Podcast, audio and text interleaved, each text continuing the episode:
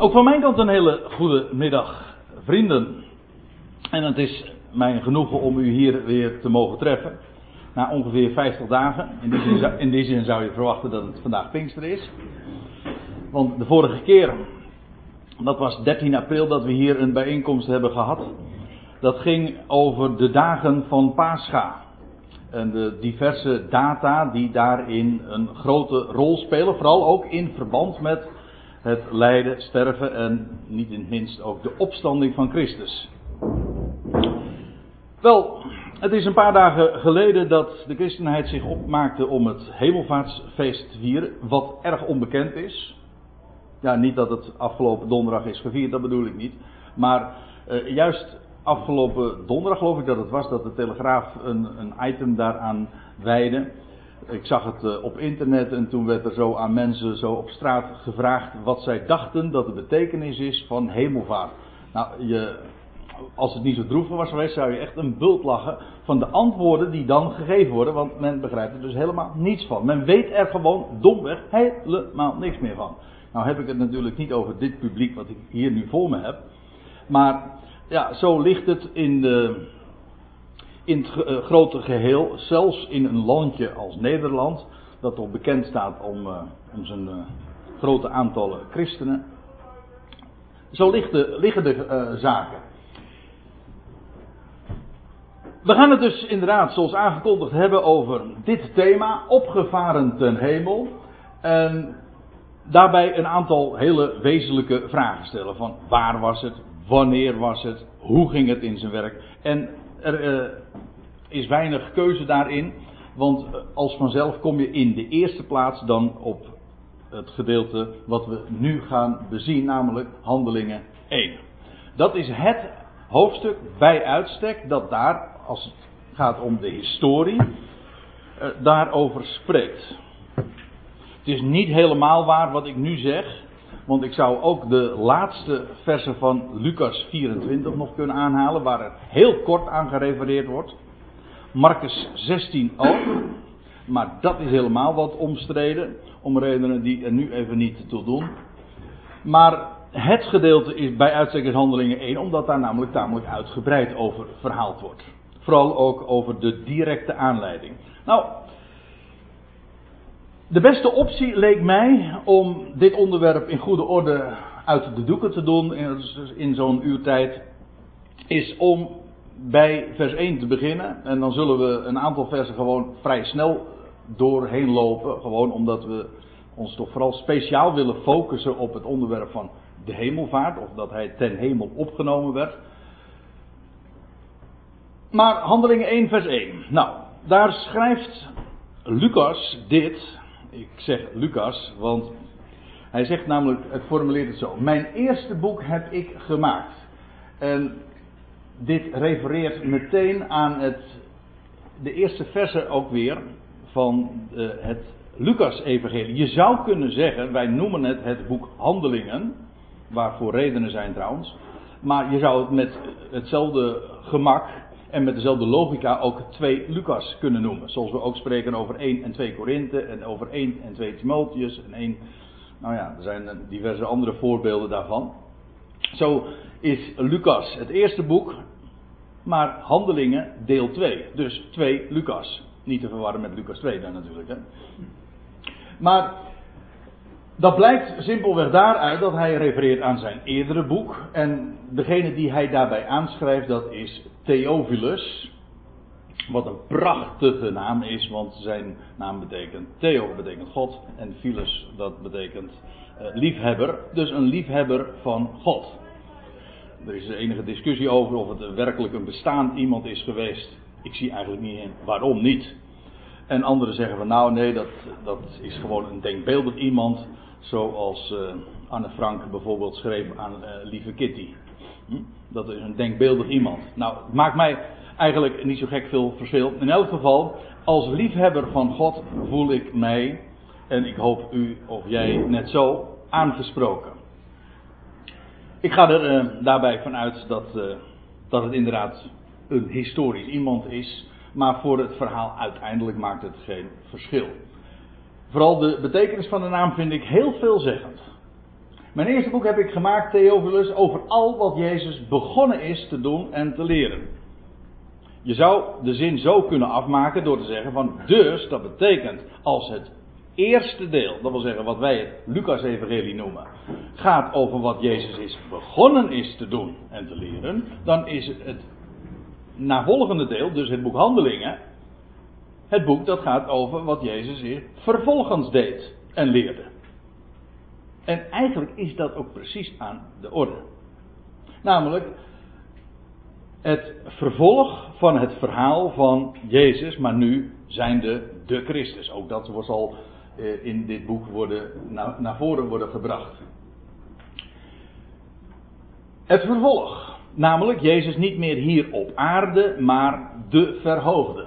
Wel, daar waar het Lucas-evangelie mee eindigde, daar begint dit tweede boek dan mee, namelijk het boek Handelingen.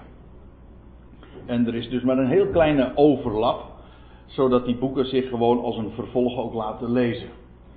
Mijn eerste boek heb ik gemaakt, Theophilus, over al wat Jezus begonnen is te doen en te leren, tot de dag dat hij werd opgenomen, nadat hij aan de apostelen die hij had uitgekozen door Heilige Geest, dus staat er niet, dat doet te veel denken aan, aan bepaalde dogma's daarachter, dat het namelijk zou gaan om een persoon, maar door Heilige Geest zijn, zijn bevelen had gegeven. Nog even dat eerste deel van die, van die zinnen.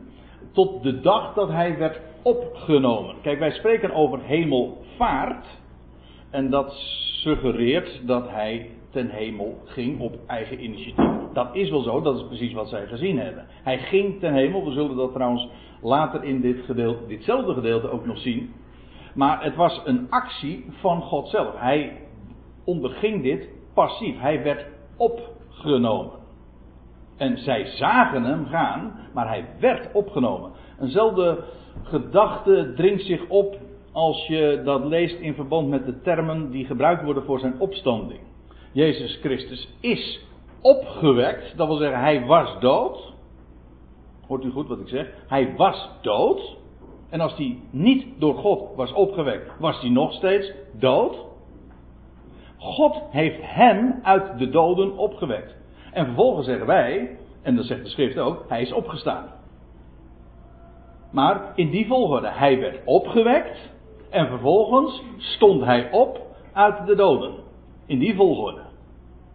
Zoals uh, dat ook de volgorde was waarin u uh, en ik ook uh, vanmorgen ben opgestaan. Ja? Eerst word je gewekt en vervolgens sta je op.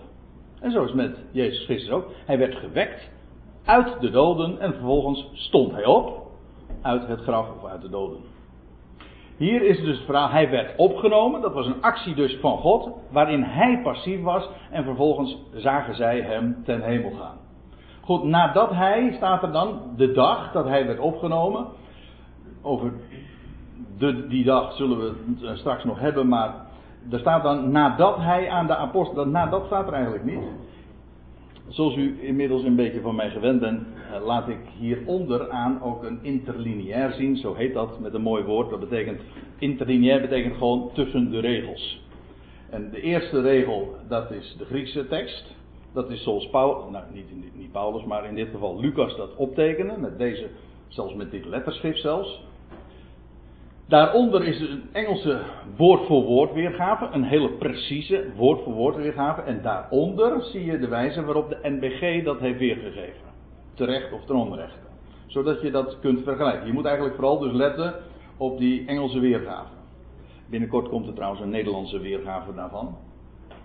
Maar dat duurt nog even. Zodat u ook uh, kunt controleren wat ik zeg. En dat is ook niet onbelangrijk. Er staat dus uh, in de vertaling nadat hij aan de apostelen dat, die hij had uitgekozen zijn beveel had gegeven. Maar ze staat het er eigenlijk niet. Het staat er gewoon in de aorist. Dat wil zeggen in een tijdloze vorm. Maar terwijl hij, want dat is wat er eigenlijk staat. Terwijl hij aan de apostelen die hij uitkiest door heilige geest zijn bevelen geeft. In een tijdloze vorm staat dat dan. En ik ga verder. Aan wie hij zich ook na, na zijn lijden met vele kentekenen levend heeft vertoond. Hij is op, maar dat was het onderwerp de vorige keer, de 14e Nisan, de dag van het Pascha, de dag dat het lam geslacht werd, is hij gestorven aan het kruis. Vervolgens, drie dagen later, op de 17e Nisan, stond hij op uit de doden. En, na, en hij heeft zich vervolgens met vele kentekenen gepresenteerd, levend aan hen. En de wijze waarop dat trouwens geformuleerd wordt is heel bijzonder, want er staat er 40 dagen lang hun verschijnende. Werd hij zichtbaar aan hen? Dat is niet de wijze waarop een normaal lichaam, ik bedoel een sterfelijk lichaam, zich uh, aan iemand voordoet. Ik ben hier gewoon uh, heen gekomen met de auto en ik ben niet aan u verschenen. Hooguit in, in beeldspraak zeg je zoiets. Maar hij verscheen. Hij, de, de ramen en deuren waren gesloten, lees je bij meerdere gelegenheden. En hij stond in hun midden. Kijk, dat is het lichaam van de opstanding. Een totaal andere werkelijkheid met hele nieuwe, andere, hogere mogelijkheden. Hij verscheen gedurende 40 dagen. En het is deze tekst ook waarop de, het, eh, het, het fenomeen van Hemelvaartsdag is gebaseerd. Namelijk dat het 40 dagen na zijn opstanding was. 40 dagen lang heeft, is hij aan, hun, aan hen verschenen. En waarbij het niet eens de, gezegd is dat hij gedurende al die 40 dagen daadwerkelijk ook is verschenen. Maar het is zo, gedurende die termijn verscheen hij voortdurend aan hen. Met vele kentekenen. Maar het was dus niet zo dat hij permanent onder hen verbleef. Een ander onderwerp is trouwens, maar daar gaan we het nu niet over hebben. Ik wil het alleen even aanstippen. Is dat Jezus op de dag dat hij opstond. zich gepresenteerd heeft aan de Vader. En op de 17e Nisan dus, om even bij die datum te blijven. De dag dat hij verrees uit het graf. als eersteling zich bewogen heeft voor God. Ja.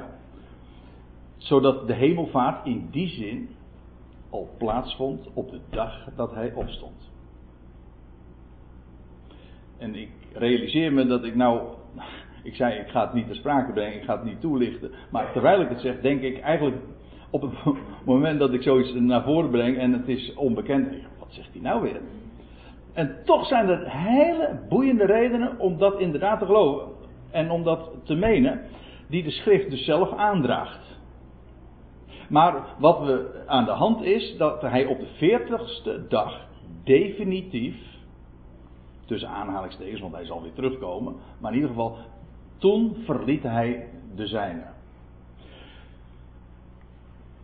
Daar houd ik eh, het eh, vanmiddag even bij. En die andere opmerking, als het niet helemaal duidelijk is, dan, dan parkeert u dat maar eens eventjes. En anders uh, moeten we daarover maar eens een andere gelegenheid nog eens hebben. Maar die termijn, 40 dagen. Als je een klein beetje op de hoogte bent van de, van de van de schrift en de Bijbelse verhalen kent, dan maak ik me sterk dat je toch heel wat voorbeelden zo zou kunnen opsommen, waarin die termijn genoemd wordt. 40, ja ook nog 40 maanden, of wat dacht u van 40 jaar, maar laten we ons even beperken tot die, zoals hier ook staat, de 40 dagen. Ik wil even een korte opsomming geven. 40 dagen regende het bij de, bij de zonvloed. 40 dagen verbleef Mozes op de berg. Sinai. 40 dagen werd het beloofde land verspied. Die is trouwens heel interessant in dit verband ook van de hemelvaart. 40 dagen werd het beloofde land, het nieuwe leven, verspied het land aan de andere kant van de Jordaan. En vervolgens werd de boodschap verkondigd aan Israël en Israël geloofde het niet. En 40 jaar lang laat ik het anders zeggen, en toen volgde er een periode van 40 jaar. En dat is eigenlijk ook, dat loopt zo helemaal parallel met de 40 dagen dat de Heer verscheen, levend, hij zich vertoonde aan hen, het, het leven aan de andere kant van de Jordaan. Vervolgens werd die boodschap aan Israël gepredikt, Israël geloofde het niet, en toen volgde er een periode van 40 jaar. Dat wil zeggen van het jaar 30 tot het jaar 70 Dat is precies 40 jaar waarin Israël uiteindelijk zelfs van de landkaart verdween. En Jeruzalem verwoest werd. Opmerkelijke parallel. Nog één van 40 dagen. met 40 dagen zou Nineveh eh, worden omgekeerd. 40 dagen was een vrouw onrein na de geboorte van een zoon, Leviticus 12. Ja, ik noem het allemaal, ik stip het alleen maar even aan om aan te geven hoe vaak die termijn genoemd wordt. 40 dagen tart Goliath Israëls God. Nou, en ik zal je vertellen, ik ben nog echt niet compleet. Maar goed, de, de lijst, ja, ik kan niet verder, zeg maar. 40 dagen duurde Jezus' verzoeking in de woestijn. En wat is de rode draad iedere keer door die 40 dagen? Na de 40 begint het. Maar, ach, als je een klein beetje op de hoogte bent van zelfs het algemeen spraakgebruik, ik bedoel niet eens het Bijbelse, dan weet je, hé, hey, die herken ik. Eh, na de 40 is een, een, een periode, dan gaat er iets gebeuren, een omkering. Na de 40. Wij zeggen dan, het leven begint bij de 40. Die is trouwens ook heel mooi. Ja, waar... Trouw niet voor je 40 bent. Trouw niet voor je 40 bent. maar daar heb jij je niet aan gehouden?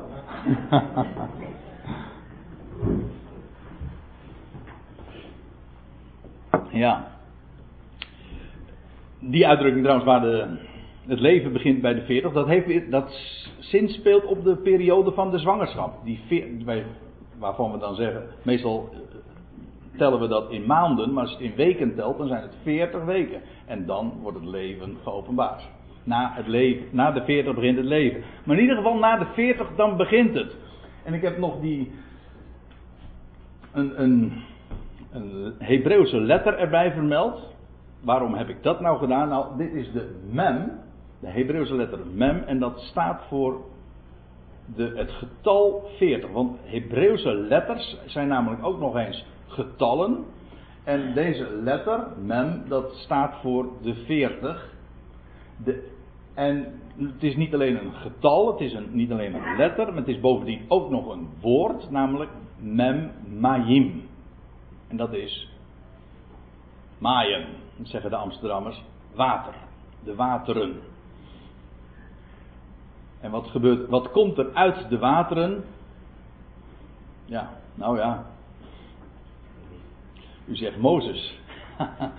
ja, dat is ook een goede. Dat, zijn naam betekent dat, hè? Uit het water getogen. Wiens naam ook met een M begint. En trouwens, heel Mozes leven werd gekenmerkt door 40. Zijn, hij werd 120 jaar, maar die hele periode is onderverdeeld in drie keer 40. Drie keer 40 jaar. Weet u trouwens, en dat vond ik wel leuk, dit is de oorspronkelijke wijze waarop de M, de mem, geschreven werd in het Hebreeuws. En dat was gewoon een golfbeweging. Maar dat is onze M ook nog. Onze M komt via via gewoon uit het Hebreeuws en staat voor water. Ja, nou ja, zo raak je wel uh, bij, al heel snel helemaal. Uh, begraaf je je onder in de, in de typologie en allerlei associaties. Maar ik wil er maar mee zeggen dat die periode van 40 toch heel erg markant is. En dan gaat er iets, iets uh, markants gebeuren. Nou, dat is in dit geval ook het geval. En ik wil u op één speciale passage dan vooral eens wijzen, vooral vanwege de parallel met hemelvaart. En dat is Genesis 8. Herinnert u zich trouwens dat ik de vorige keer ook nog op Genesis 8 heb gewezen? Dat ging toen over de ark die rustte, die rust kreeg op het gebergte van Ararat en dat was op de 40, pardon, dat was op de 17e Nisan. Ja, van de zevende maand, maar dat werd de eerste maand. Maar in ieder geval, de ark kreeg rust, vond rust op de 17e van die maand. En dat komt exact, dat hebben we toen gezien, dat komt exact overeen met de datum dat de Heer Jezus Christus opstond uit de doden. Schitterende parallel. En waarbij Ararat betekent, de vloek wordt omgekeerd. Prachtig toch? Maar nu dit. Nu gaan we even verder. Want dat was de 17e van die maand. Maar dan lees je in vers 6 van Genesis 8. Na verloop van 40 dagen. Ik geef toe, uit de tekst is niet helemaal helder. Waar, sinds wanneer dit gaat tellen. Typologisch lijkt het me niet moeilijk. En dan gaat het gewoon, het wordt geteld vanaf die dag dat de ark rust kreeg. Namelijk op het gebergte van Ararat. Maar als dat verband houdt, of samenvalt met de dag van de opstanding, dan komen we dus 40 dagen later, na verloop van 40 dagen, opende Noach het venster op de hemel dat hij in de ark gemaakt had. Op die dag, en dan lees je, en hij liet een raaf uit, en ik sla nu wat over. Daarna liet hij een duif uit. En dan lees je, en toen wachtte hij nog zeven dagen. Dus inmiddels zijn we nog weer, hè, na ruim 47 dagen, liet hij de duif weer uit de ark. En tegen de avond kwam de, de duif bij hem en zie, een vers olijfblad was in haar snavel. Dat vond ik prachtig. En dat vind ik nog steeds. Want, als je dus de dag hebt dat de ark rust vond op het gebergte van Ararat, komt overeen met de dag dat hij opstond uit de doden. Was nog niks zichtbaar hoor, dat niet. Nee, maar dat markeerde alles. Veertig dagen later wordt het venster op de hemel geopend en vliegt er een vogel uit. Eerst een raaf, daarna een, een, een duif. En vervolgens, na nog zeven, toen wacht hij nog zeven dagen, dus hoeveel het precies is, maar het is in ieder geval na ruim 47 dagen. Dus dan kom je al gauw bij de vijftigste uit. Hm? Wat gebeurde er toen? Wel, toen kwam de duif bij hem terug met een vers, olijf, vers olijftak. Dat was dus inderdaad ruim 47 dagen later.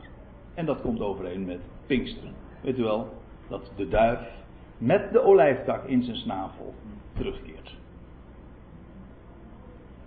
Is het niet opmerkelijk? Deze parallel. En die telling. En ook hoe die 40 dagen juist verwijzen naar het geopende venster op de hemel. Nou, dat is precies wat de hemelvaart is. Het venster gaat open. Er vliegt er één uit, om zo te zeggen. Zo rechtstreeks de hemel in. En die kwam uiteindelijk weer inderdaad na ruim zeven dagen vervolgens dus terug. Met een vers olijftak. Houd die ook even vast, want dat heeft dan ook weer alles met hemelvaart te maken. Maar we gaan even verder. Ik draag zomaar vanmiddag eh, wat aan. Hè. Vooral wijs ik ook op, de, op lagen die onder de tekst liggen. Kijk, de tekst Handelingen 1 is redelijk bekend. Ik bedoel, als zondagschoolverhaal weten we allemaal ongeveer. Allemaal weet ik niet helemaal zeker of ik dat kan verantwoorden. Maar in ieder geval, de meeste van ons zijn redelijk op de hoogte, denk ik, van wat er toen gebeurde. Ja, maar er zit zoveel meer in die tekst. Waaraan gemakkelijk voorbij gegaan wordt. En wat vindt er nou precies plaats? Nou, één ding is duidelijk. Gedurende 40 dagen is hij aan de zijnen verschenen. Niet aan het hele volk staat er later in Handelingen 10, maar slechts aan degene die hij had uitgekozen.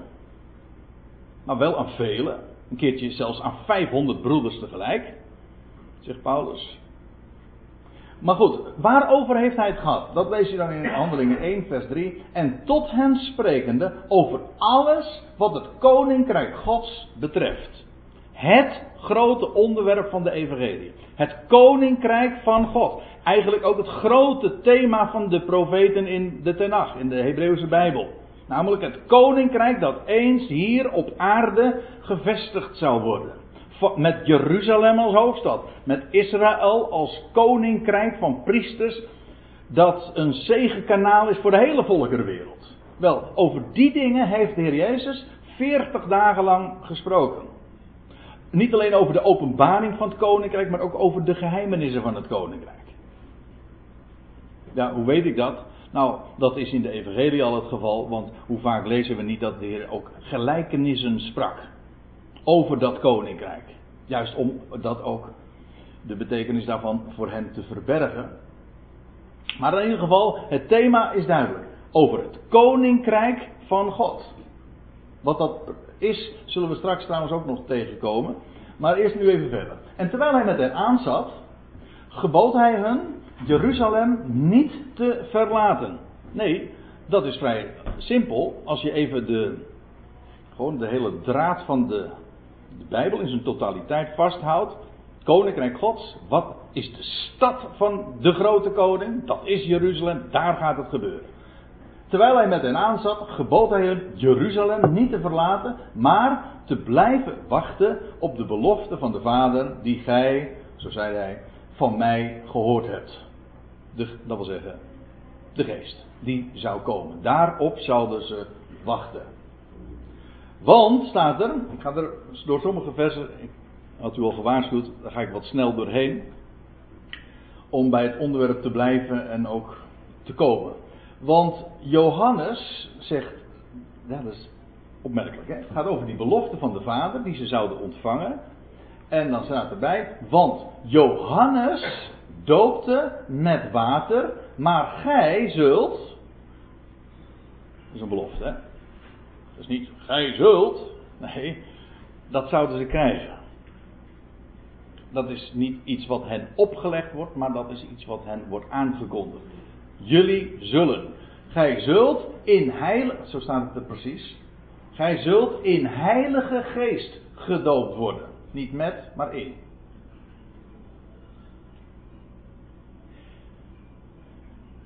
Ja, dat is een tekst of een uitspraak, een statement, die heel dikwijls in de Evangelie is terug te vinden.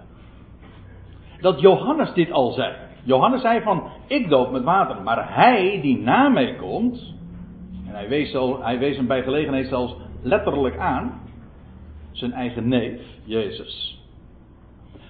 Die zal dopen in geest. Ik doop in water, maar hij, de Christus, die zal dopen in geest.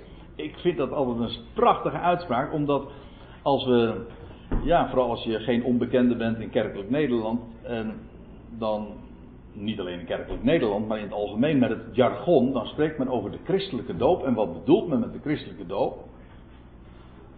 Een doop in water. Maar dat is eigenaardig. Want Johannes zegt, ik doop met water. Maar hij, de Christus, die na mij komt, die zal dopen met dat waar water een beeld van is. Dit is slechts typologie of een beeld. Maar het gaat om geest.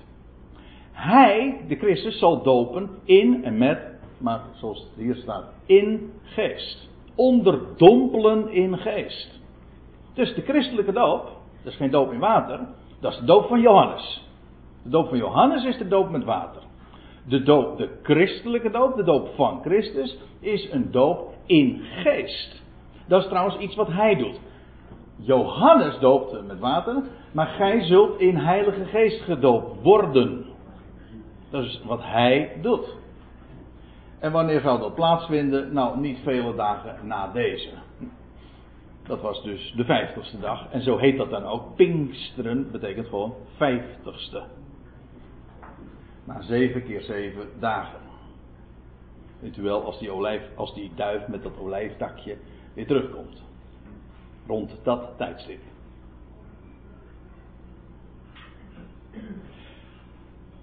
Ik lees verder. Handelingen 1 vers 6.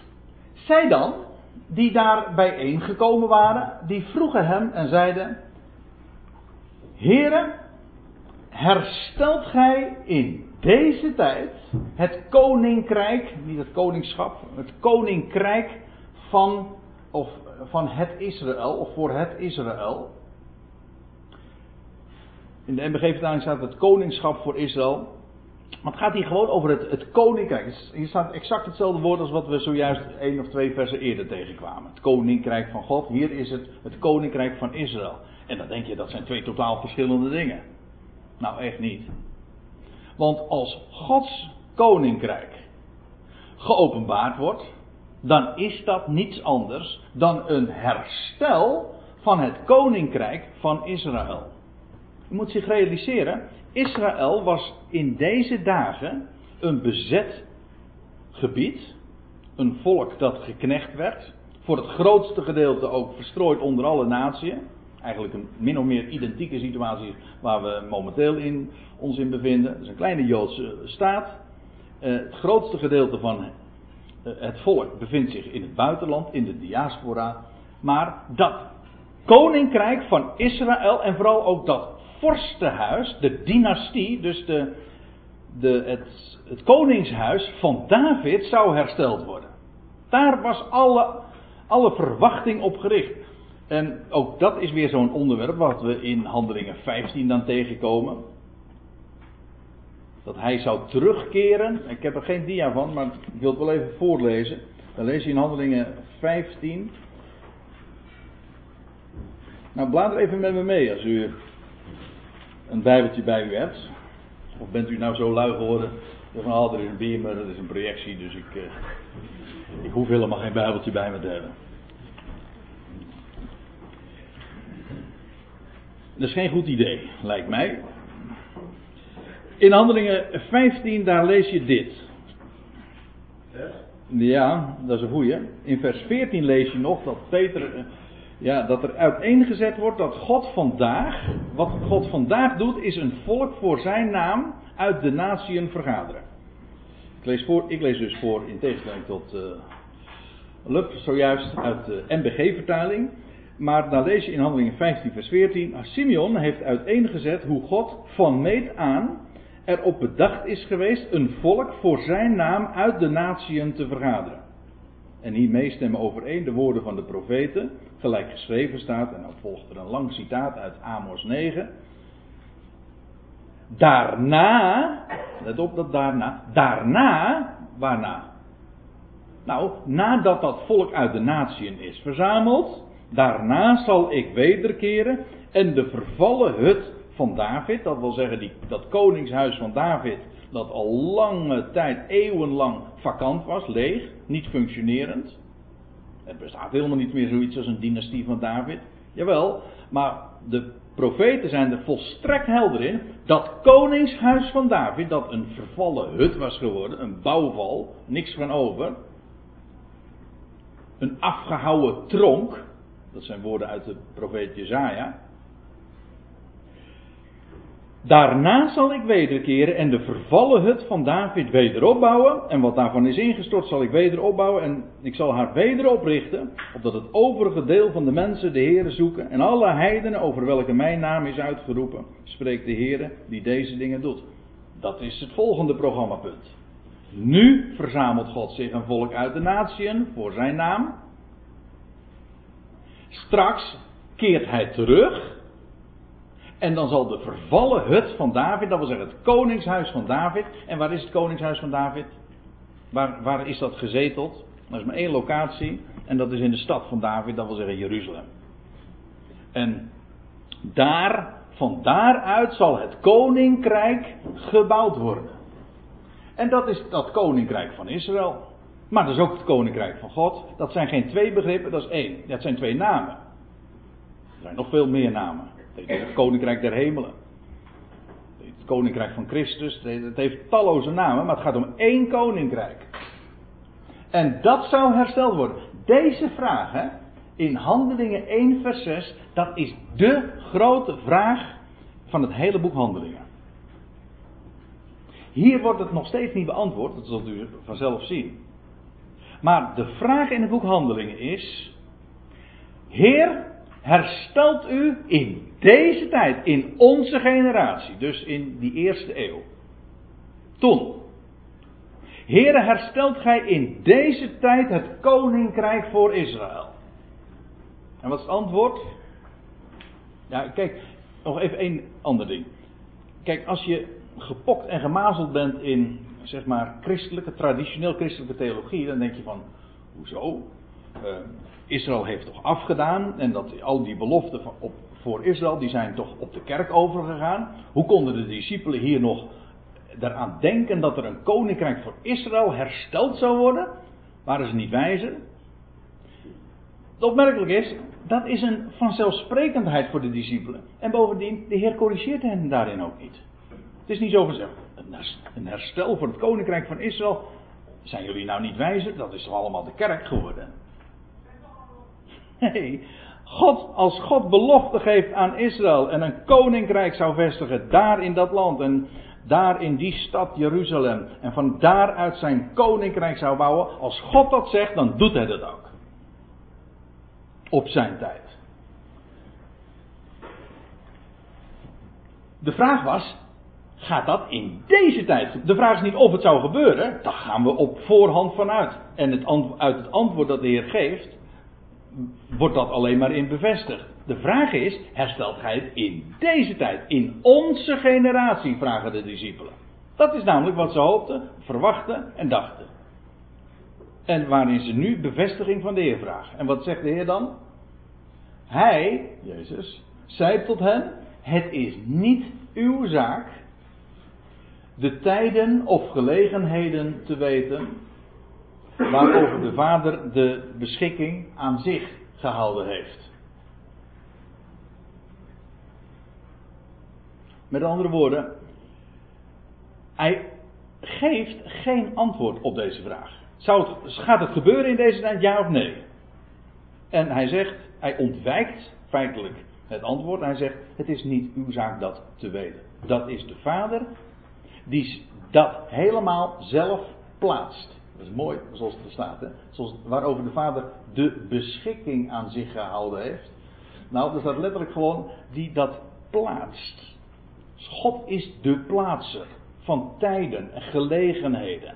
En hier, het antwoord wordt aan deze twaalf, de twaalf hier niet gegeven. Wat, wat krijgen ze wel te horen? Nou, dat is wat we dan vervolgens lezen. Maar, jullie zullen, het is meervoud, blijkt niet uit het woordje gij, maar het staat in het Grieks echt een meervoud. Jullie zullen, ook hier weer, gij zult. Dat is een belofte. Weer zeg ik, ik word niet moe om dat te herhalen, dat is een belofte dus. Als er staat gij zult, wij denken altijd van dat is een last die je opgelegd wordt. Je mag het niet. Nee, gij zult betekent het zal gebeuren. Jullie zullen kracht ontvangen wanneer Heilige Geest, of wanneer, eigenlijk staat er van de Heilige Geest, over jullie zal komen. Ze ooit de Geest ontvangen op de dag van de opstanding. Dat, weet u nog dat de Heer op hen blies? En hij zei: Ontvang mijn geest, Heilige Geest. Dus dat was de dag van de opstanding. Toen ontvingen ze de geest. Maar de Heilige Geest zou nu, oh, zou vervolgens, dat is wat hier beloofd wordt, er zou als kracht over hen komen. Dat zou pas op de vijftigste dag plaatsvinden. Het eerste, dat heeft te maken met leven. Ze vingen op de dag van de opstanding het leven van de opstanding, het woord van de opstanding, dat was in hen. Maar nu, op de vijftigste dag, zou, zou de kracht over hen komen. Als een, ook als een zichtbare manifestatie. Jullie zullen kracht ontvangen wanneer Heilige Geest over jullie komt. En jullie zullen, ook hier weer een belofte. Niet jullie moeten, nee, jullie zullen mijn getuigen zijn. Waar? Nou, te Jeruzalem, Judea, in heel Judea en Samaria, dat wil zeggen in heel het land. Eerst Jeruzalem, vervolgens heel het land en tot aan het uiterste der aarde. Dat wil zeggen, overal waar het huis van Israël ook maar is. Ik zeg het expres zo, want die twaalf, die werden gezonden tot het huis van Israël. Zoals de Heer Jezus zelf trouwens ook gezonden was tot het huis van Israël. Uitsluitend zelfs. Ik ben slechts gezonden tot het huis van Israël. En wat had hij gezegd? Gelijk de Vader mij gezonden heeft, zo zend ik ook u. Ook weer naar het huis van Israël. Die, de discipelen hebben het niet in hun hoofd gehaald om naar de natieën te gaan. Daar waren dat gaf heel wat voeten in de aarde om zelfs een godvrezende man, daar aan het uiterste van het land, te benaderen. Ik bedoel nu even de geschiedenis van Cornelius. Nou, dat gaf heel wat voeten in de aarde, maar dat kwam niet in de hoofden van die discipelen op om dat te gaan doen. inderdaad, ze zouden overal naartoe gaan. Waarom? Omdat het huis van Israël ook verstrooid was onder alle naties. Maar het huis van Israël, het volk, moest weten. Zegt Petrus ook, hè? Dus moet het ganse huis Israël zeker weten dat God hem en tot Heer en tot Christus gemaakt heeft. En nou citeer ik nog eventjes. En ook daarvan heb ik even geen dia. Maar ik wil toch even, terwijl ik spreek, moet ik eraan denken dat Petrus in het huis van Cornelius zegt.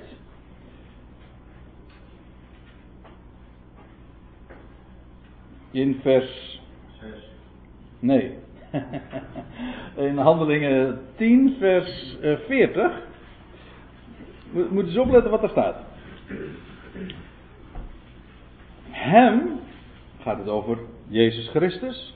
Hem heeft God ten derde dagen opgewekt en hij heeft gegeven dat hij verscheen, niet aan het hele volk, maar aan de getuigen die door God tevoren gekozen waren. Aan ons die met hem gegeten en gedronken hebben nadat hij uit de doden was opgestaan. En hij heeft ons, de twaalf, geboden het volk te prediken en te betuigen dat hij het is die door God is aangesteld tot rechter en overlevende en doden enzovoort. Maar let even op dat ene woord, op die frase. Hij heeft ons geboden het volk te prediken. Het volk is Israël. In Jeruzalem, in Judea, in Samaria en ook al die verstrooide schapen over, over de hele wereld waar ze ook maar verstrooid waren. Daar was hun focus op gericht. Daar zouden ze naartoe gaan. Het gaat allemaal om Israël. Eerst Israël, vervolgens pas de, zouden de volkeren aan de orde komen. En nadat hij dit gesproken had. Ja, dus. Nou, hij heeft een, nogal een, een hele duidelijke uitspraak gedaan. Over de vraag of in die tijd het herstel van het koninkrijk van Israël zou plaatsvinden. Daar ontweek de Heer. Maar hij beantwoordde wel de vraag wat er te doen stond. Namelijk dat is dat de twaalf zich zouden richten tot Israël en zouden prediken. En hij zegt ook, jullie zullen mijn getuigen zo zijn. En of dat met succes zou gebeuren, en dat wil zeggen als Israël tot geloof zou komen, dan zou de Messias terugkeren. Ja, of dat, zou, of dat met succes zou plaatsvinden, of Israël daadwerkelijk tot geloof zou komen, dat laat de Heer hen niet weten. En ik denk, dat is toen ook heel wijs geweest. Want ze zouden daar natuurlijk meteen ook ontmoedigd van geraakt zijn. Stel je voor dat de Heer nu al, hier had meteen al gezegd van ja, jullie gaan het prediken, maar Israël zal het niet geloven. Dat zegt de Heer niet. Hij, geeft, hij zegt iets anders. Hij zegt jullie zullen kracht ontvangen. Geest zal over jullie komen. Jullie zullen mijn getuigen zijn. En ook waar, dat zou, waar zij hun, zijn getuigen zouden zijn. Op het uiterste der aarde. En nadat hij dit, of eigenlijk staat er ook hier weer, dit sprekende, of wat uh, moderne Nederlands. Terwijl hij dit zei, werd hij opgenomen. Hier weer dat woord, hè? Opgenomen. Terwijl zij het, werd hij opgenomen en een wolk ontrok hem aan hun ogen. Dit is precies het onderwerp waar we het vanmiddag over hebben. Hemelvaart opgenomen. En wat zei hij? Waar ging het om? Ja, hij had 40 dagen lang gesproken over het koninkrijk van God. En de laatste woorden die hij sprak, of terwijl hij dat nog sprak en antwoord gaf op de vraag van of het in die tijd zou zijn en wat er zou gaan gebeuren, terwijl hij dat zei, werd hij opgenomen en een wolk ontrok hem aan hun ogen. Dat is hemelvaart. Dat hebben zij gezien. En die wolk is eigenlijk wel heel veelzeggend. Namelijk, het, uh, is, het is het embleem van de wijze waarop hij zich ontrokken heeft aan het ogen. En dat is in feite de actuele situatie nog tot op vandaag. Nu zijn wij bijna 2000 jaar verder en nog steeds is hij ontrokken aan het oog. Wij zien hem niet. Maar weten, wij weten inmiddels wel zoveel meer. In Lucas 24 lees je trouwens ook nog een, kort, een korte uitspraak daarover. Ik, ik verwees al even eerder in mijn toespraak naar. Dan lees je in, in het laatste verse van dat hoofdstuk, van het boek ook. En hij, Jezus, leidde hen naar buiten tot bij Betanië. Dat is aan de andere kant van de Olijfberg. En hij hief de handen omhoog. Hij zegende hen. En het geschiedde terwijl hij hen zegende dat hij van hen scheidde. Eigenlijk bestond de zegenuitspraak ook hierin, hieruit, dat hij hen ook aankondigde en beloofde: jullie zullen kracht ontvangen, jullie zullen mijn getuigen zijn. En terwijl hij dat dus sprak, uh, scheidde hij zich uh, van, of werd hij van hem gescheiden. En Paul, daarop lees je nog in vers 52. En met grote blijdschap keerde zij weer terug naar Jeruzalem. Ja, hij verliet hen en met grote blijdschap keerde zij terug naar de stad. Ik wil op nog een schriftplaats wijzen. Handelingen 2. Want als daar nou staat, hij werd opgenomen, een wolk ontrokken hem aan hun ogen. Wat wij noemen het hemelvaart. Of hij werd ten hemel genomen. Maar er is een uitdrukking die in de Bijbel veel bekender is dan wat wij doorgaans uh, gebruiken. En hoe wij het benoemen. En die vindt u in Handelingen 2. En dan zult u zien dat er een formulering is die veel gebruikelijker is in de Bijbel. En veelzeggend ook. Handelingen 2 lees je dit. Even, dit was de Pinksterdag. Ongeveer tien dagen later dus. Petrus, die op het Tempelplein een, een eh, opstaat te midden van de, de andere discipelen en een toespraak houdt. En dan lees je, en nou zijn we al, er heeft er al een heel deel van de toespraak heeft er plaatsgevonden. En dan staat er, nu hij, Jezus Christus, nu hij dan aan de rechterhand Gods verhoogd is. Let op. Nu hij aan de rechterhand Gods, rechts, de rechterhand heeft altijd met verhoging te maken, met, met voorrang zeg ik altijd maar. Dan weet je ook meteen waar het over hebt de rechterhand van God, wat bij God voorrang heeft. Het is de rechterhand van God, dat is de hoogste positie. Wel, daar is hij verhoogd. Hij bevond zich op aarde. Hij is dus ook niet alleen moreel, heeft hij een titel gekregen, een naam boven alle naam, maar ook fysiek is hij verhoogd. En de hoogste plaats heeft hij gekregen. En dan lees je, en ook, ik sla even wat over, dan kom je in vers 34. Want David is niet opgevaren naar de hemel. Ziet u hoe dat parallel loopt? Naar opgevaren naar de hemel, wat is dat? Dat is ter rechterhand Gods verhoogd worden. Dat is David niet. Maar hij zegt zelf, hij, dat is David, die zegt zelf, en nou volgt er een citaat uit Psalm 110. En ik weet niet of u een Bijbeltje hebt met schriftverwijzingen. Maar moet eens kijken wat er onder Psalm 10, vers 1 staat. Aan allemaal schriftverwijzingen waar dat allemaal wordt aangehaald. Speelt een enorme grote rol in het Nieuwe Testament. Talloze keren wordt dat aangehaald. En in de brieven van Paulus met name, maar ook elders. In het boek Handelingen wordt het regelmatig aan gerefereerd. De Hebreeënbrief Dus wat wij hemelvaart noemen, dat is volkomen bijbels, dat is waar. Staat hier ook. Maar dat is, wat is het? En waar is, let, let op wat ik nu zeg.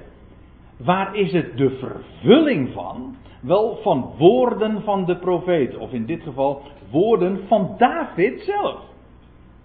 Psalm 110 is een profetische psalm. Gaat over ja, de koning-priester naar de ordening van Melchizedek. Dat is geloof ik vers 4 of 5, ik weet het niet precies uit mijn hoofd. Maar er staat er, David is niet opgevaren naar de hemel, maar hij zegt zelf, de Heere heeft gezegd tot mijn Heer, dat wil zeggen, Yahweh zegt tot mijn Heer, zet u aan mijn rechterhand, totdat ik uw vijanden gemaakt heb tot een voetbank voor uw voeten. Nou, je zou, echt, je zou een heel Bijbelstudieseizoen kunnen wijden aan deze twee versen. En hoe dat in het Nieuwe Testament wordt aangehaald en toegelicht. Dat is echt geweldig. Want wat hier door David wordt geprofiteerd, geprofiteerd, dat wil zeggen, het gaat niet over hemzelf. Dat is, dat is, iets wat je in boekhandeling ook iedere keer weer terugvindt. Dat, dat Petrus en Paulus dan in hun toespraken halen ze dingen uit de psalmen aan en zeggen ze ja, dat heeft David gezegd, maar David spreekt niet over zichzelf. Nee, hij spreekt over iemand die uit zijn lendenen zou voortkomen. Gij mijn ziel, ze staat in Psalm 16 bijvoorbeeld. Hè? Gij mijn ziel niet overgegeven aan het dodenrijk, nog u mijn gebeente ontbinding doen zien. Ja, maar dat gaat niet over David. Want David is gewoon begraven en is, eh, zijn graf is bij ons tot op heden, zegt de Petrus. Nee, het gaat over iemand die uit hem zou voortkomen, de zoon van David, de erfgenaam van David. Hier, Tito met een sterretje. Het gaat hier over degene die uit het, zaad van David zou voortkomen, die verhoogd zou worden, geplaatst zou worden aan Gods rechterhand. Daar is het de vervulling van. Wat er op de veertigste dag na de opstanding plaatsvond, dat is de vervulling van wat we lezen in Psalm 110, vers 1. Daar werd hij verhoogd. Daar kreeg hij de toppositie. Ik bedoel dat in de meest letterlijke zin des woords. De naam boven alle naam, boven alle overheid en macht gezeten. En waar uh, weerstand in de inleiding al even op wees, op Efeze 4. Hij is opgevaren naar de hoge en om alles tot volheid te brengen. Daar aan Gods rechterhand. En om al zijn vijanden tot een voetbank voor zijn voeten te stellen. En de laatste vijand, dus 1 Korinthe 15 dan weer, de laatste vijand die hij zal teniet doen, dat is de dood. Als dat dan, als die de dood teniet gedaan zal hebben, dat wil zeggen allen levend gemaakt zal hebben, wel dan is het plaatje compleet. En dan geeft hij een volmaakt koninkrijk aan zijn God over. Maar het begint allemaal hier. Bij zijn hemelvaart, bij, zijn, bij het feit dat hij verhoogd is aan Gods rechterhand. Ja.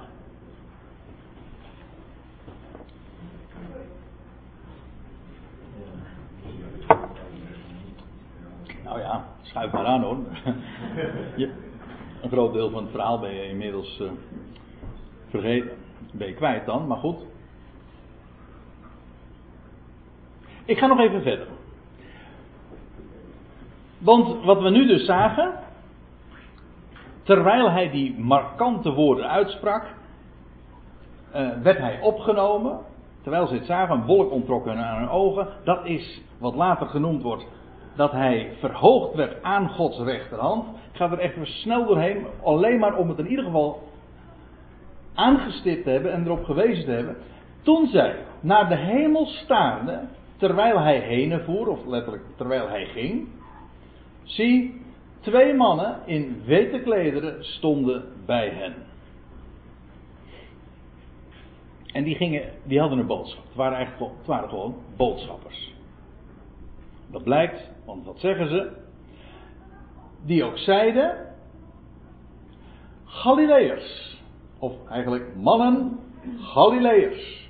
Wat staat gij daar en ziet op naar de hemel? Ja, en dit is nou toch wel eigenaardig. En daar wil ik u toch graag eens uh, vanmiddag op wijzen. Want wat doen die twaalf nu hier? Ze kijken daar naar de hemel. En terwijl ze dat doen, worden ze meteen min of meer gecorrigeerd. Wat staan jullie daar nou? we zullen straks ook zien wat die, wat die twee mannen vervolgens tegen hem zeggen. Maar wat hier gezegd wordt tegen de twaalf, die daar op de olijfberg zich bevinden, terwijl Jezus dus van hen eh, heen gaat. Daar wordt, laten we het eens vergelijken met wat de apostel Paulus vertelt. Ik wil het kort op een rijtje zetten. Je leest van de twaalf dat tegen hen gezegd wordt: sta niet naar de hemel.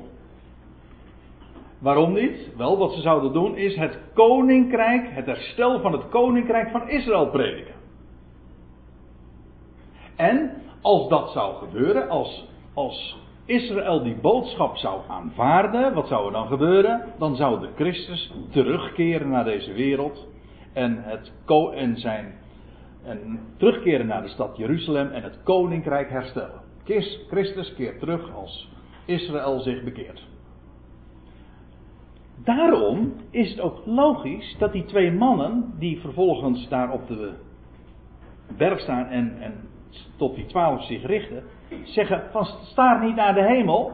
Nee, het gaat hier op aarde allemaal gebeuren. Predik dat herstel van het koninkrijk van Israël. In Jeruzalem, in Judea, in Samaria, tot de uiterste van de aarde. En Christus, die zal dan terugkeren, namelijk als Israël gelooft. Ik heb expres uh, ook de schriftplaatsen er even bij vermeld, zodat u dat terug kunt lezen. Met name uh, Handelingen 3, vers 19 tot 21. Dat is misschien wel de duidelijkste uitspraak waar je, waar je dat allemaal terugvindt. Dan lees je inderdaad dat Petrus daar in Jeruzalem zegt van kom tot berouw en bekering en opdat er tijden van verademing mogen aanbreken van het aangezicht van de Heer. En hij de Christus, die tevoren voor u bestemd was, Christus zal zenden. Hem moest de hemel opnemen tot de tijden van de wederoprichting van alle dingen waarvan alle profeten gesproken hebben. Wat ik ermee wil zeggen is dit. De twaalf, die zouden niet daar naar kijken, ze moesten zich realiseren, die Christus die keert weer terug. En jullie ter voorbereiding zouden je richten tot Israël. En Israël moet tot geloof komen. Israël moet het woord aanvaarden. En dan zal de Christus terugkeren. Vandaar sta niet naar de hemel. Bij Paulus is het verhaal heel anders. Maar Paulus hoort ook niet bij die twaalf. Paulus werd later geroepen. U weet hoe het gegaan is in het boek Handelingen. De twaalf hebben de boodschap gebracht aan Israël. Met succes? Nee, dat wil zeggen, ze hebben het getrouw verkondigd, dat wat ze geacht werden te doen.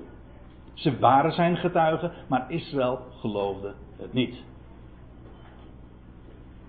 En toen dat zo duidelijk werd, toen zelfs officieel de raad van uh, het Sanhedrin, de, de raad in Jeruzalem, Stefanus stenigde. Dus het, waren niet alleen, het was niet alleen maar het volk, maar officieel de raad, de, de leiders, hebben, hebben, hebben de boodschap van de opgestaande Messias verworpen. En dan wordt er, komt er een andere apostel. Dat is bij handelingen 7, handelingen 8. En dan lees je van Saulus van Tarsus. Die was daar ook bij, hè? Dat, dat Israël uh, officieel de boodschap van de Messias verwierp. En dan komt Saulus van Tarsus. En dan roept, dan roept vanuit de hemel Christus hem. En dan, dan vindt er een totaal omkeer plaats. En die Paulus, ja, dat is het vervolg erop. Wat zegt Paulus? Zegt, zegt hij, sta niet naar de hemel? Nee, die zegt, die zegt in, nou, één vers. Hè.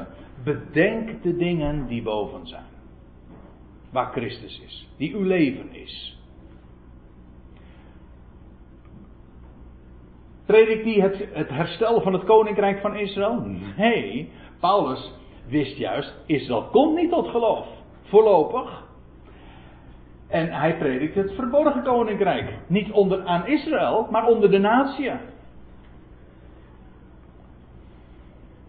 En Paulus weet ook, Israël is ongelovig. En, maar, en Israëls verwerping, dat is de verzoening der wereld. Als u dat leest in Romeinen 9, 10 en 11, zet Paulus dat zo duidelijk uiteen. Israël is nu ongelovig, ja, maar juist nu Israël ongelovig is gebleken, heeft God een dertiende apostel geroepen, Paulus. En Paulus die krijgt hele nieuwe dingen te horen, verborgenheden. En Israëls verwerping, verwerping, wel dat is de verzoening der wereld. Dat is de boodschap van Paulus. Van overvloeiende genade. Niet meer de, het koninkrijk dat geopenbaard wordt aan Israël, nee, het koninkrijk dat verborgen is. Alles is verborgen, er valt niks te zien. En wij bedenken de dingen die boven zijn, waar wij gezeten zijn met Christus. Dat zijn verborgenheden, geheimenissen die God, of Christus zo u wilt, aan Paulus heeft geopenbaard. Ziet u het verschil? Het contrast. Dat zie je in het boek Handelingen ook wel terug. De twaalf aan de ene kant en Paulus aan de andere kant. Het begint met de twaalf. De boodschap van de twaalf wordt verworpen door Israël en vervolgens wordt het stokje, als ik het zo mag zeggen in estafette termen, wordt het stokje overgenomen door Paulus, die een, de boodschap van de verborgenheid onder de natie gaat bekendmaken. We gaan weer even terug naar Handelingen 1.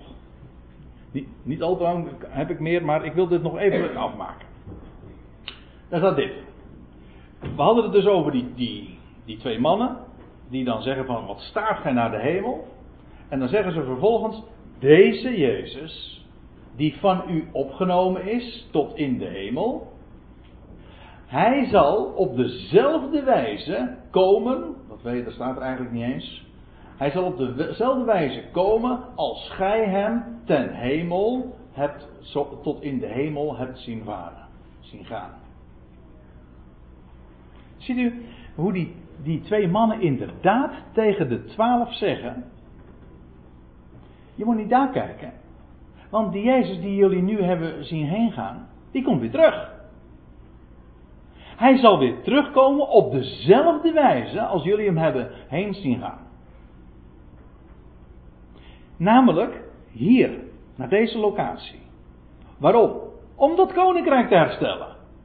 Dus terwijl ze hem heen zien gaan, worden ze meteen al hun ogen weer gericht op zijn terugkeer en op dat herstel van het koninkrijk. En wat zij geacht werden te doen en wat hun nu ook te doen stond dus, dat was het koninkrijk aan Israël te prediken.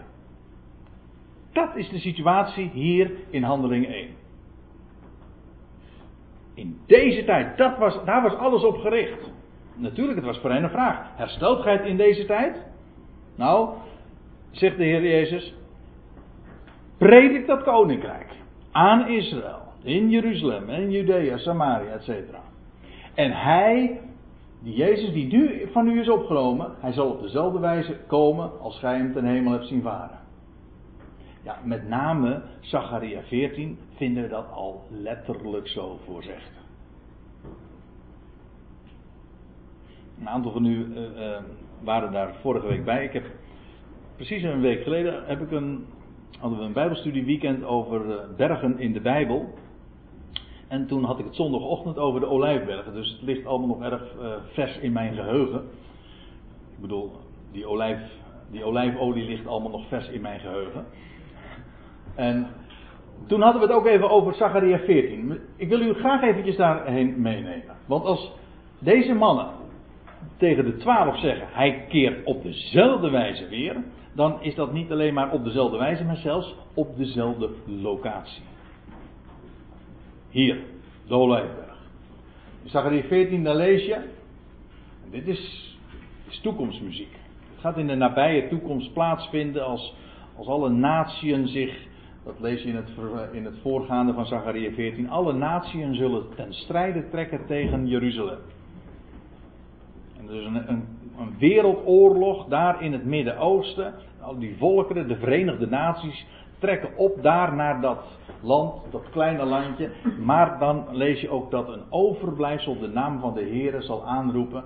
En dan zal de Heere uittrekken om tegen die volkeren te strijden. Zoals hij vroeger streed. Ten dagen van de krijg. Ik bedoel, de Heer die houdt zich nu verborgen. Hij bemoeit zich helemaal niet met de gang van zaken in deze wereld.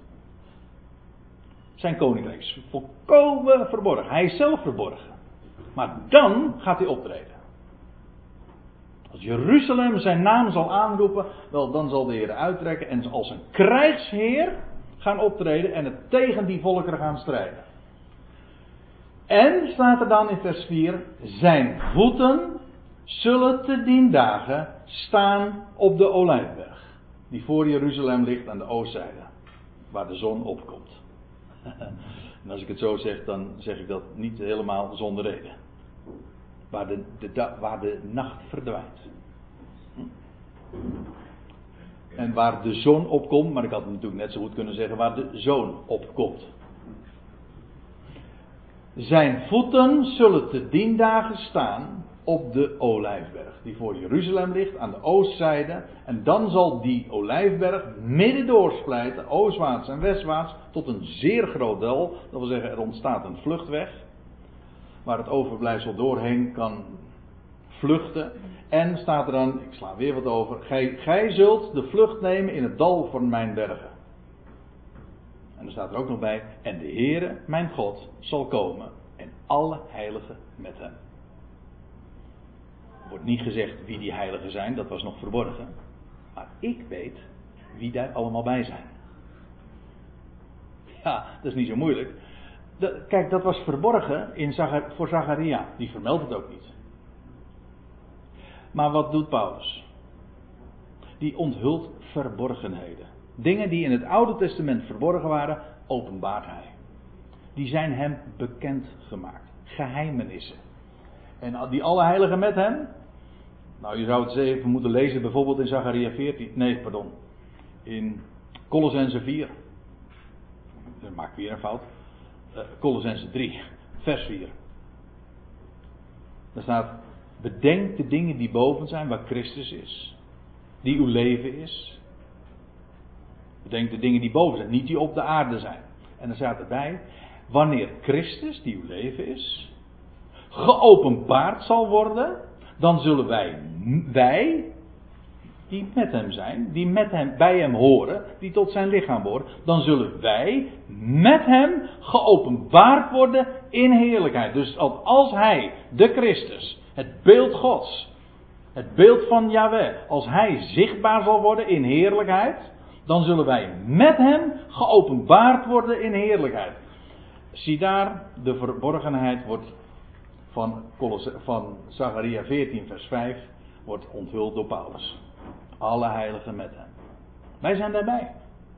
Ik zeg wij, wij die geloven in hem, die geloof van hem hebben ontvangen, wij die hem mogen kennen.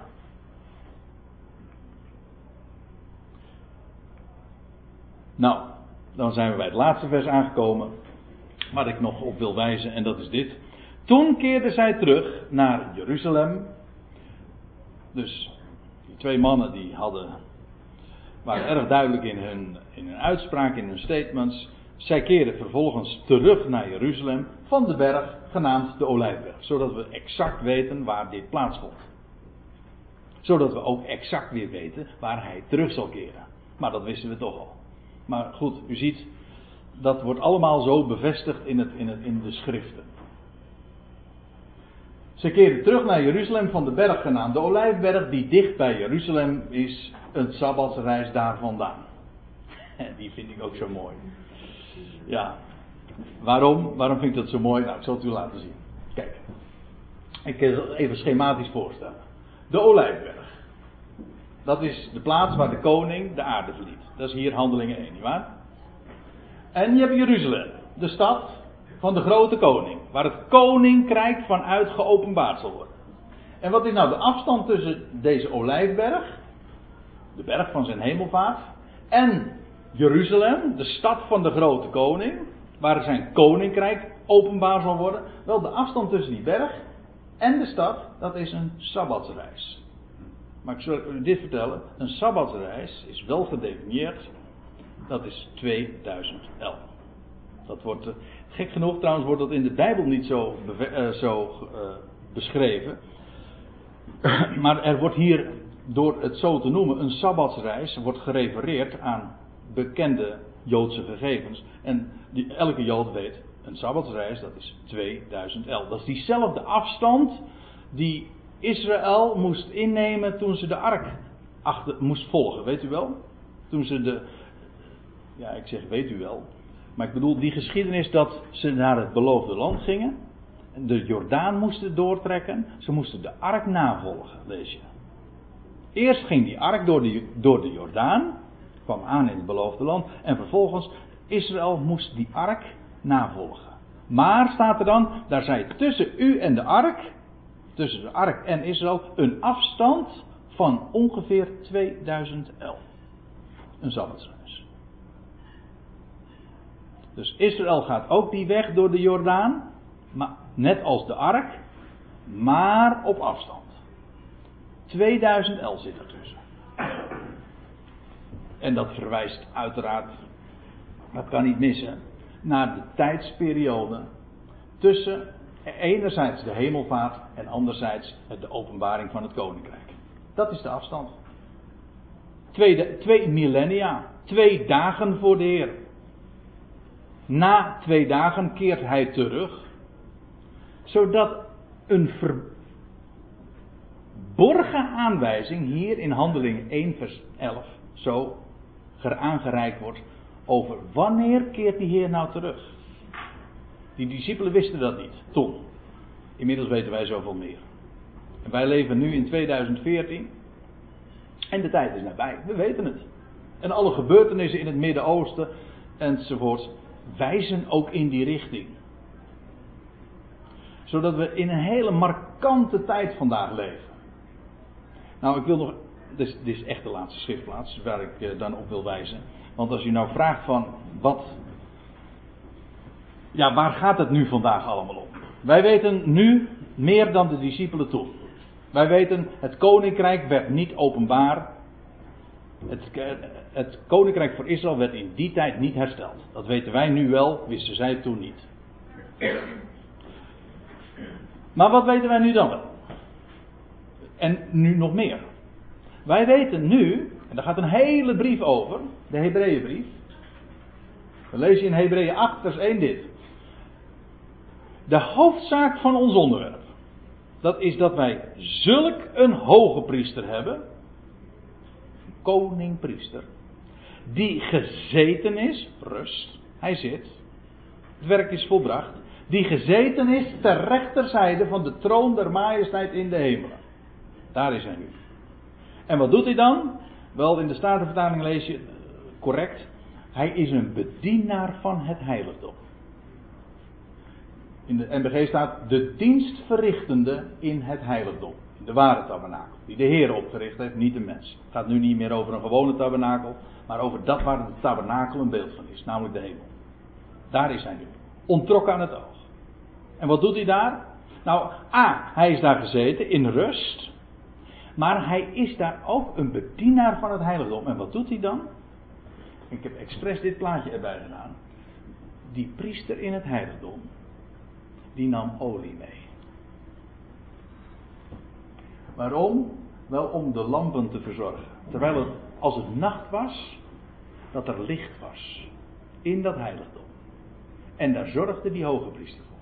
Die hoge priester, die bracht alles tot volheid die vervulde, de, die vulde ook de, de kandelaar aan met olijfolie. En dan weet je meteen ook waarom die vanaf de olijfberg vertrok. Hij nam olie mee. Begrijpt u? Ja, ik bedoel uiteraard typologisch. Hij nam olie mee, want hij, hij vertrok vanaf de olijfberg, ging het heiligdom in. Waarom? Wel om in het de ware tabernakel de dienst te verrichten zodat er in het heiligdom licht is. Wel, dat is de hoofdzaak van ons onderwerp. Eigenlijk het grote thema ook van de brieven van Paulus. We zijn verbonden met die Christus, daar in de hemel. En er is een geweldige boodschap nu niet in verband met Israël. Dat staat, dat komt allemaal nog. Maar straks. Maar ik bedoel, nu mogen we de geweldige boodschap van zijn genade prediken, vertellen over de verzoening van de wereld en wie Hij is en dat Hij alle dingen tot een goed einde gaat brengen. Kortom, werkelijk evangelie. Zullen we daarbij laten?